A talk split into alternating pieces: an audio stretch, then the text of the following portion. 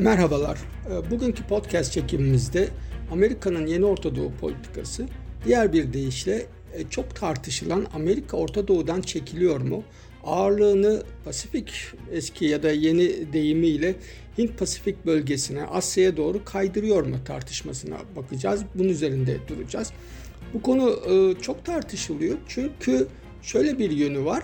E, Amerika'nın Orta Doğu'dan çekilmesiyle e, uzak doğuya yönelik politikasının yeniden şekillenmesi, ağırlığını Atlantik'ten Pasifik'e doğru kaydırması arasında doğrudan bir ilişki kuruluyor.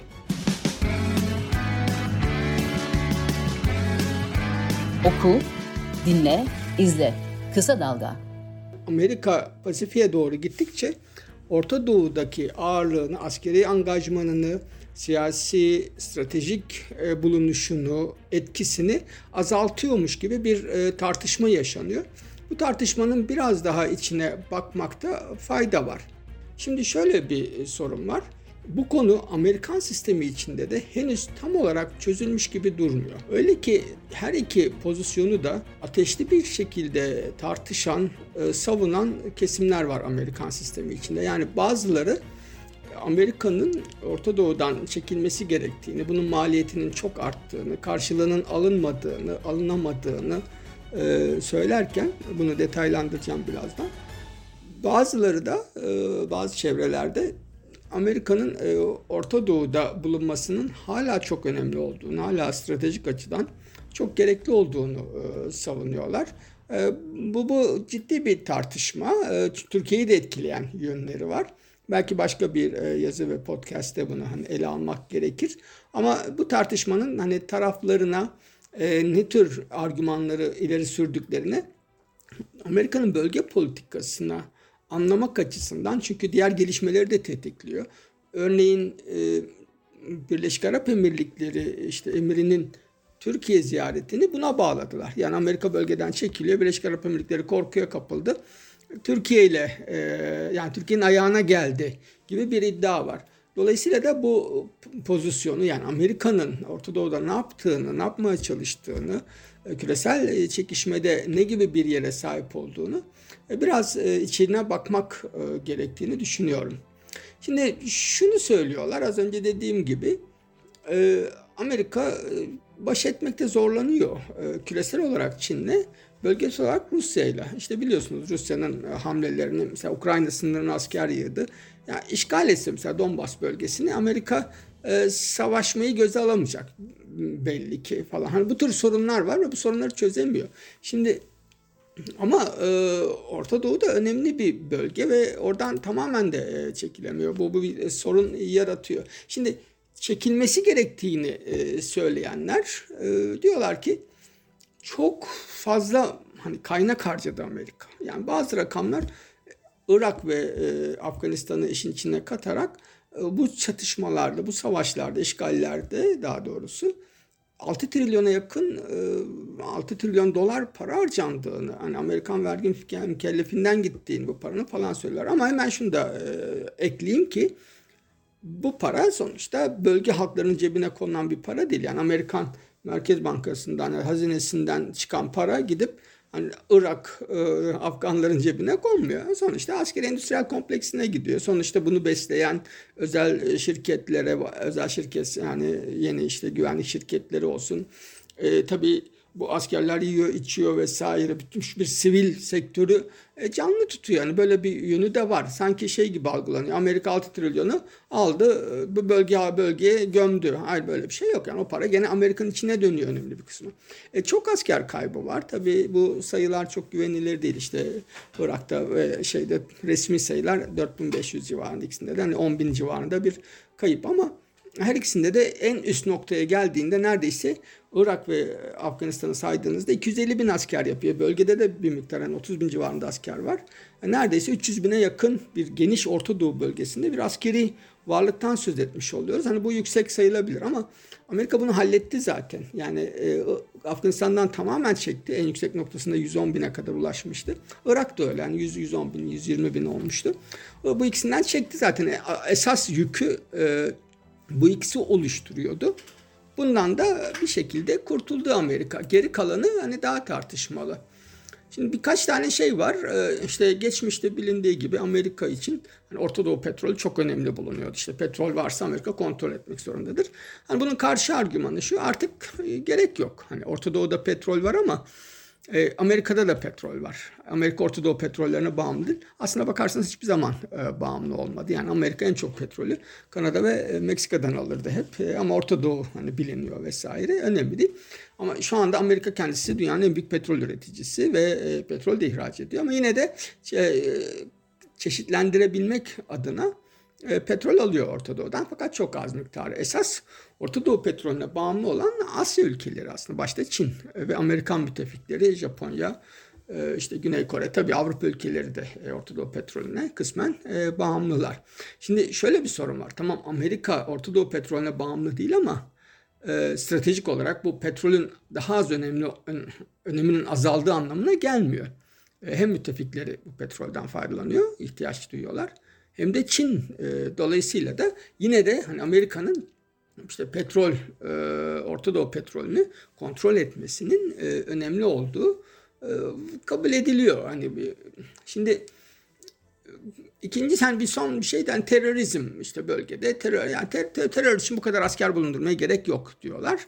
Tabii ki haklılar. Yani sonuçta Amerika biz de biliyoruz bunu gayet iyi. Yani derdi terörizmi bitirmek falan değil. Yani sonuçta terör örgütlerinin getirdiği bazı işlevler vardır ve Amerika bunlardan gayet iyi faydalanır. Bunu da biliyoruz.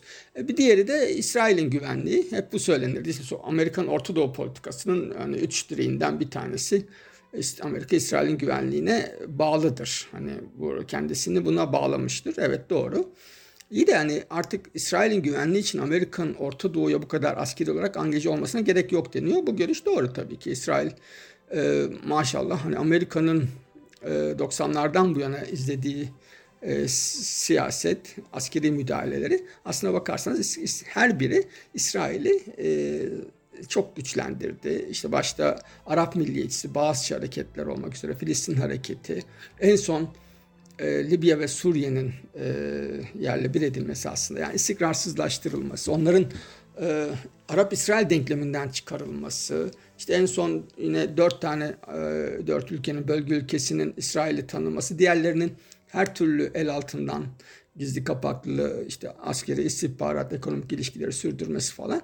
Dolayısıyla İsrail zaten çok güçlü. Mesela günümüzde İsrail istediği zaman e, Suriye'yi vurabiliyor. E, Golan Tepelerini ilhak etmişti. Amerika tanıdı. işte Kudüs'ü tanıdı başkent olarak Amerika falan. İsrail şeyin 2. Dünya Savaşı'ndan bu yana en e, güçlü, en e, kendisini güven içinde hissettiği dönemi yaşıyor. Dolayısıyla da ha bunu da söylüyorlar. Yani artık İsrail'in e, kendisini koruması için Amerika'nın Orta Doğu'da bulunmasına gerek yok gibi bir argüman var. Şimdi çekilme, Amerika'nın çekilmesine itiraz edenler ise bir defa şunun farkındalar. Ee, yani Amerika çekildince e, Rusya ve Çin giriyor. Hani bu böyle e, yani sanki bir e, şey gibi kap gibi e, bir kap boşalırsa di, diğeri dolduruyor gibi algılanıyor. Haklılık payı var bunda. Çünkü yani Çin e, Amerika'yı aşağı yukarı yer kürenin hani küresel sistemin her bölgesinde e, şey yapıyor, karşılıyor. Ee, bu Venezuela'da var, Afrika'da var, Cibuti'de var, işte diğer Afrika ülkeleri de var. Balkanlar da var bunun içinde. Orta Doğu'da var, e, Pakistan'da var, Filipinler'de var. Hani Japonya ve Güney Kore değil. Yani Avustralya değil çok fazla oralara giremedi. Ama hani biraz boşluk gördüğü anda o boşluktan, o çatlaktan sızıyor Çin. Şimdi böyle bir sorun var. İkincisi şunu söylüyorlar. Amerikan ordusu neredeyse bir buçuk milyona yakın asker var Amerikan ordusunda. E, burada tuttuğu asker sayısı bu rakamlar değişiyor. Bazı kaynaklarda 30 bin bazılarında 50 bin 60 bin diyen de var. Hani hangi bölgeyi ne kadar genişlettiğinize de bağlı olarak. E, bütün hani Amerikan ordusunun mevcudiyetinin %3'üne tekabül ettiğini söylüyorlar ki bu yüksek bir oran değil gerçekten. E, burayı kontrol etmek için bir tabii bir maliyeti var bunun yani asker bulunduruyor Amerika. E, aşağı yukarı bütün körfez ülkelerinde Suudi Arabistan daha sorunlu. Çünkü oraya e, işte Müslüman olmayan kutsal topraklar sayıldığı için Müslüman olmayan askerler e, sokulması e, tercih edilmiyor diyeyim Suudi yönetimi, Suudi halkı Araplar tarafından. Ama sokuluyor işte biz bunu daha önce gördük yani 91'de de gördük bu şey kırıldı ne derler e, direnç e, sıkışınca tabii ki Amerikan askerleri de e, Suudi topraklarına e, ayak bastı pekala.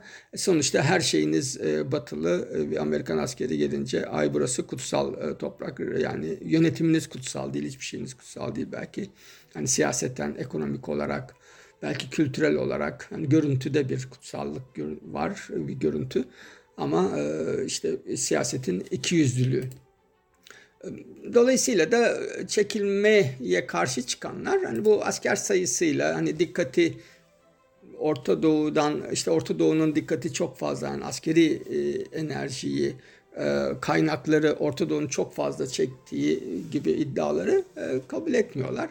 Dolayısıyla da hani bu buradaki varlığın Amerika'nın küresel siyasetine engel olmadığını e, iddia ediyorlar.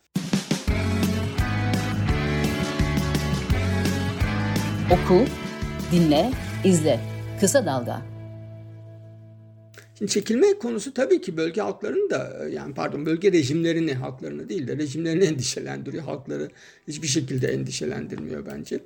Ee, çünkü burada sıkıntılı olan e, tabii ki bu e, tutucu Arap rejimleri özellikle işte Sisi'yi de bunun içine sayabilirsiniz. Diğerlerini de sayabilirsiniz. Ee, onlar e, kendi varlıklarını biraz da Amerikan desteğine e, bağlı görüyorlar içeriden. Dışarıdan da hani İran'a karşı bir hani koruma kalkanı oluyor Amerikan askeri varlığı. Bundan e, tedirgin oldular. Onu onu söyleyelim. E, şimdi bir Afganistan ve Irak'tan çekildi Amerika. Bu bir endişe yarattı bölge ülkeleri açısından. E, Irak'tan da çekildi. Yani Afganistan biraz uzakta kalsa da. E, ikincisi e, Türkiye'de çok fazla konuşulmadı bu bilinmiyor muhtemelen ama Amerika bölge ülkelerinden özellikle Suudi Arabistan'dan Patriot bu TAD denen e, yüksek e, menzilli yani e, daha yukarıdan e, şey yapan hani daha uzun menzilli füze sistemlerini e, başta Suudi, Suudi Arabistan olmak üzere bölgeden çekti. Bunun da e, getirdiği bir tedirginlik olmuş belli ki bölge rejimlerinde, ülkede demeyeyim çünkü burada aynı şey olmayabilir. Dolayısıyla da bunlar Amerika'yı Savunma Bakanlığı falan yoklamışlar epey dışişlerini. Ne oluyoruz? Hani Afganistan'dan çekildiniz, Irak'tan çekildiniz. E, bizde bir de e, Patriot füzelerini çektiniz. Hatta Amerika hani şey diyor. E, satın alabilirsiniz diyor. yani ben sizi burada tutmayayım bunları. Yani gelin benden e, satın alın diyor aslında bakarsanız. Bunlar da İran'ın e, Suudi Arabistan'ın petrol tesislerine yaptığı drone yani İran demiyor tabii. İran kabul etmiyor da işte Yemen üzerinden yapıldı dronlarla. Ondan sonra getirildi. Amerikalılar diyorlar ki bunlar zaten hani biz sembolik bir mesajdı. Dronlara karşı e, bu büyük e, devasa füze sistemleri neredeyse yani kıtalar arası ya da e, işte orta menzilli füzelere yönelik olarak geliştirilmiş füze sistemi zaten dronlara karşı etkisizdi. Bir etkisi yoktu. Biz bunu önlemek için e, yani mesaj vermek için önlemek değil de mesaj vermek için getirmiştik e, diyor Amerikan sistemi. Dediğim gibi yani biz e, verdiğimizi ödünç verdiğimizi geri alıyoruz. İstiyorsanız tıpış tıpış gelin hani parasını ödeyin biz size bu füze sistemlerini satalım.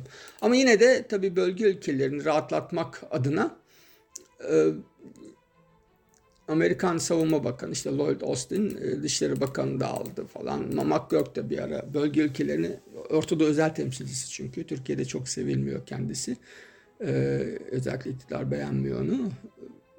Bölge ülkelerini ziyarete gittiler ve dediler ki biz merak etmeyin hani e, bölgenin savunmasına hani hala bağlıyız. Hani o bağlılığı bir şekilde teyit ettiler ve bundan sonra hani e, sizi yalnız bırakmayacağız. Yani halkınıza karşı sizi korumaya devam edeceğiz demek aslına bakarsanız bunun e, doğru e, anlatımı. E, dolayısıyla da rejimlerin yani rejim güvenliği meselesini bir bakıma e, çözmeye çalıştılar. Şimdi Amerika ne yapmaya çalışıyor? O zaman bunu bir tanımlamak gerekiyor. E, Amerikan belgeleri ve yazılan raporlar bize iki kavramdan söz ediyor ya da Amerikalılar iki kavramla geliyorlar. Bunlardan bir tanesi recalibration, diğeri de repositioning yani yeniden ölçeklendirme, yani ölçeği belirleme. Diğeri de yeniden konumlandırma kavramı. Şimdi bir Amerikan askeri varlığını ne yapacaksınız? Hani sistem siyasetinde nasıl belirleyeceksiniz? Burada da mesela miktar nasıl belirlenecek? Yani ne kadarı yeterli? Diğeri de hani nerede olması e, gerektiği, nerede olursa e, daha iyi olur. Şu an en az şunu belirtmek gerekiyor.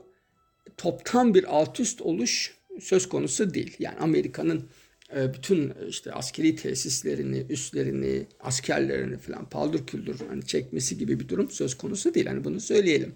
Ha ama yavaş yavaş bu e, askeri e, şeyi e, varlığı yani üst, üst özellikle askeri üslerde tesislerde bulunan e, Amerikan askeri varlığını yeniden yapılandırmaya gidebilir Amerika. Bunun için ama bazı şeyler e, gerekiyor. Mesela diyor ki bir tanesi bir uzman ya Bahreyn'de biliyorsunuz Amerika'nın 5. E, filosuna e, şey yapıyor, e, hizmet ediyor.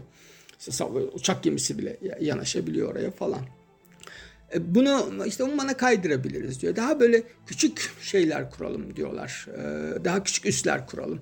Böyle devasa üsler, binlerce Amerikan askeri falan olmasın. Bunları böyle hani havuzdaki şey gibi, Nilüfer çiçekleri gibi bu, bu ifadeyi kullanıyorlar. Yani onların ifadesi bu. Hani ben böyle sempatik bir şeyle e, Amerikan askeri varlığını tanımlamak istemedim. Onun için bunu yazıya geçirmedim ama hani sözlü olarak e, söyleyeyim.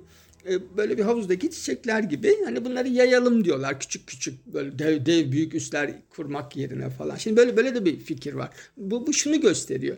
Yani bu konuda tam bir e, fikir birliğine konsensusa varılamamış. Yani farklı farklı görüşler hala e, tartışılmaya devam ediliyor Amerikan e, sistemi içinde. E, tabii bütün derdi Amerika'nın burada bir şey maliyeti azaltmak. Yani bütün bu Orta Doğu üzerindeki etkisi devam etsin. Ama bunun çok fazla maliyetini üstlenmeyelim. Hani bunun içinde yaptığı bazı şeyler var tabii. Ya mesela bir tanesi gene bunu yazıya çok geçirmedim ama ya korkunç bir asker e, şey silah satışı var bölgeye. Ee, bunu Trump, Trump döneminde arttı biliyorsunuz. Yine bir başka önemli bir gelişme belki. Hani ondan da bahsetmek gerekiyor. Ee, şeyin e, yeni e, çıkan Global Posture Review deniyor buna. E, küresel duruşu gözden geçirme diye çevirebiliriz. E, başkan işte her yıl şey yani ara ara şeyden istiyor Savunma Bakanı'ndan. İşte Şubat ayında talep etmiş. E, bir rapor bu. Amerika'nın küresel askeri konumlanışını, düzenini e, yeniden gözden geçiriyor. Bunu gizli tutuyorlar. Dışarı vermiyor. Ulusal güvenlik belgesi gibi değil bu. E, dışa verilmiyor. Burada e, mesela bir özeti verilmiş, hani paylaşılmış medyayla duyuru olarak. Ben hani özeti e, özete baktım tabii. E, zaten çok uzun değil. Bunun üzerine yazılanlar var. Hani eleştirel yazılar daha çok hani Amerikan sistemi içinden. Orta Doğu'ya özel bir yer verilmediği görülüyor. Öyle anlaşılıyor. Yani burada da ağırlığı Amerika Çin'e doğru kaydırmış. Yani bunu da bilmekte fayda var. Tabii çok büyük bir ikilem var Amerika açısından. Bir taraftan yani bunca yıldır ya 30 yıldır ne İran sorunu çözebilmiş yani 79'dan beri 40 yıl olmuş 40 yılı geçmiş neredeyse ne İran meselesi çözülebilmiş ne e, Orta Doğu'da tam bir e, yani düzen kurulabilmiş. Dolayısıyla da şimdi buradan et şeyin ağırlığını askeri ağırlığını azaltayım diyor. Fakat hani burada da başka sorunlar ortaya çıkıyor. Şimdi yani Çin'i tamam Hint Pasifik'te şey yapacaksınız, e, çevreleyeceksiniz, kuşatacaksınız. Ama Çin öyle bir ülke ki Venezuela'da da var. E, Çin hani orada kendisini evet Amerika beni Pasifik Hint Okyanusu'nda çevreliyor. O yüzden ben yerimde kalayım demiyor. Yani Çin Balkanlarda da var. İşte gidip Yunanistan'ın Pire Limanı'nın limanını satın alabiliyor. İşte Sırp, e, Sırbistan hava yollarını satın alacakken Bahreyn'e hayır gitsen al diyor Çin'den önce falan. Çin'le bir sürü yerde karşılaşıyor. Orta Doğu'da da karşılaşıyor. İşte Birleşik Arap Emirlikleri 5G'ye geçiyordu. Hatta şöyle bir iddia ortaya atıldı. Birleşik Arap Emirlikleri Çin'e askeri üs veriyor diye. Bu Amerikan medyasında yayınlandı bu bilgi ve çok şaşkınlık yarattı yani Birleşik Arap Emirlikleri. Yani Amerika'nın işte bazı iddialara göre İngiltere'nin yani uzantısı, İngiltere'nin kontrolünde falan ama yani Çin'le arası gayet iyiydi mesela Birleşik Arap Emirlikleri'nin. Dolayısıyla da e, bunu bu buradan orta hani Çin'i Hint Pasifik'te kuşatalım derken Çin Orta Doğu'ya girebilir Amerika oradan çekilirse falan.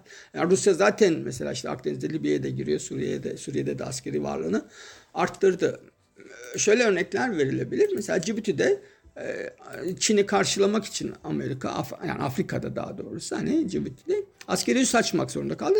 Çin de askeri üs, üs kurdu orada. Ya da Almanya'da işte Rusya'nın Doğu Avrupa üzerindeki baskısı arttıkça yani bu karşılıklı oluşuyor onu da söylemek lazım. Yani Amerika Rusya'yı kuşatmaya çalışıyor. Rusya buna tepki vuruyor. Yani Amerika daha fazla tepki veriyor falan. Mesela Trump döneminde Almanya'da 25 binden fazla asker olmayacak diye karar almıştı. O kararı değiştirdi. Yani daha fazla asker gönderiyor. Polonya asker gönderdi. Yeni asker sevkiyatı yaptı. Dolayısıyla da şey bitmiyor hani Amerika açısından. Ee, askeri e, olarak Çin'i Rusya'yı ve Çin'i e, başka bölgelerde karşılama meselesi bitmiyor. Orta Doğu'da bunun e, bir parçası. E. Şimdi ne olabilir? Ya Amerika önümüzdeki dönemde Orta Doğu'da bazı üsleri kapatabilir. Bazı üslerdeki asker sayısını azaltabilir. Bazılarını yer değiştirebilir. Şimdi bu bu gerekli olabilir. Çünkü zaman içinde yani soğuk savaş paradigması işte ondan sonra 90'lar 2000'ler. E şimdi dünya siyasetini belirlerken Amerika kendi küresel stratejisini belirlerken ister istemez Çin'i göz önüne alan bir e, politika izlemek zorunda kalıyor. Artık biz e, şeydeki ne derler e, yani geçmiş dönemdeki Amerikan siyasetinin unsurlarını diğer ülkelerde, diğer bölgelerde olduğu gibi Orta Doğu'da da görmeyebiliriz. Şöyle bir örnek vereyim. Derslerimizde de Amerikan başkanlarının doktrinlerini yazın falan diye sorarsınız hani sınavda. Yani çoğu bunların şeydir Orta Doğu'ya dair. İşte o Truman doktrini, Eisenhower doktrini, Carter doktrini, Kissinger doktrini, pardon Nixon doktrini falan. E şimdi artık böyle olmayacak. Yani bundan sonra biz e, Çin'e yönelik, Asya yönelik doktrinleri daha fazla duyacağız. Amerikalılar hani Orta Doğu olan şey şu hani Amerika e, Orta Doğu'dan çekilmiyor. Yalnız Orta Doğu'nun Amerikan küresel stratejisindeki yeri ve önemi biraz daha geriye doğru e, gidiyor. Burada da birkaç tane e, unsur öne çıkıyor. E, bir defa e, stratejik olarak Amerika artık buraya müdahalelerde bulunmayacak. Bu iyi haber.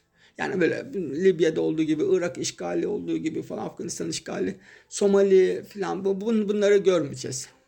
İkincisi İngiltere ve Fransa daha fazla bölgede olacaklar. Öyle görünüyor. Belki sonra bunları açacağım. Hani başka yazılarda ve şey podcastlerde. Bölgede müttefikler arası gerilim artık azalacak. Ee, işte mesela Türkiye Birleşik Arap Emirlikleri uzlaşısı bunun bir parçası bence. İsrail mesela, İsrail'in tanınması, Yemen'de savaşın sona erdirilmesi Amerikan baskısıyla. Ee, İran sorunu var. İran'ı da e, artık uzlaşıyla, anlaşmayla bu sistemin içine çekmek istiyorlar. Çünkü başka türlü olmuyor. E, bundan sonra şey e, Amerika Orta Doğu'da kalmaya devam edecek. Hani kötü haber bu. E, ama koşulları, içeriği, hani yöntemi, stratejisi daha farklı olacak. Dinlediğiniz için çok teşekkürler. Kısa Dalga podcastleri Demet Bilge Erkasab'ın editörlüğünde Mehmet Özgür Candan'ın post prodüksiyonu ve Esra Baydemir'in hazırladığı görseller ile yayınlanıyor. Kısa Dalga'ya destek vermek için Patreon sayfamızı ziyaret edebilirsiniz.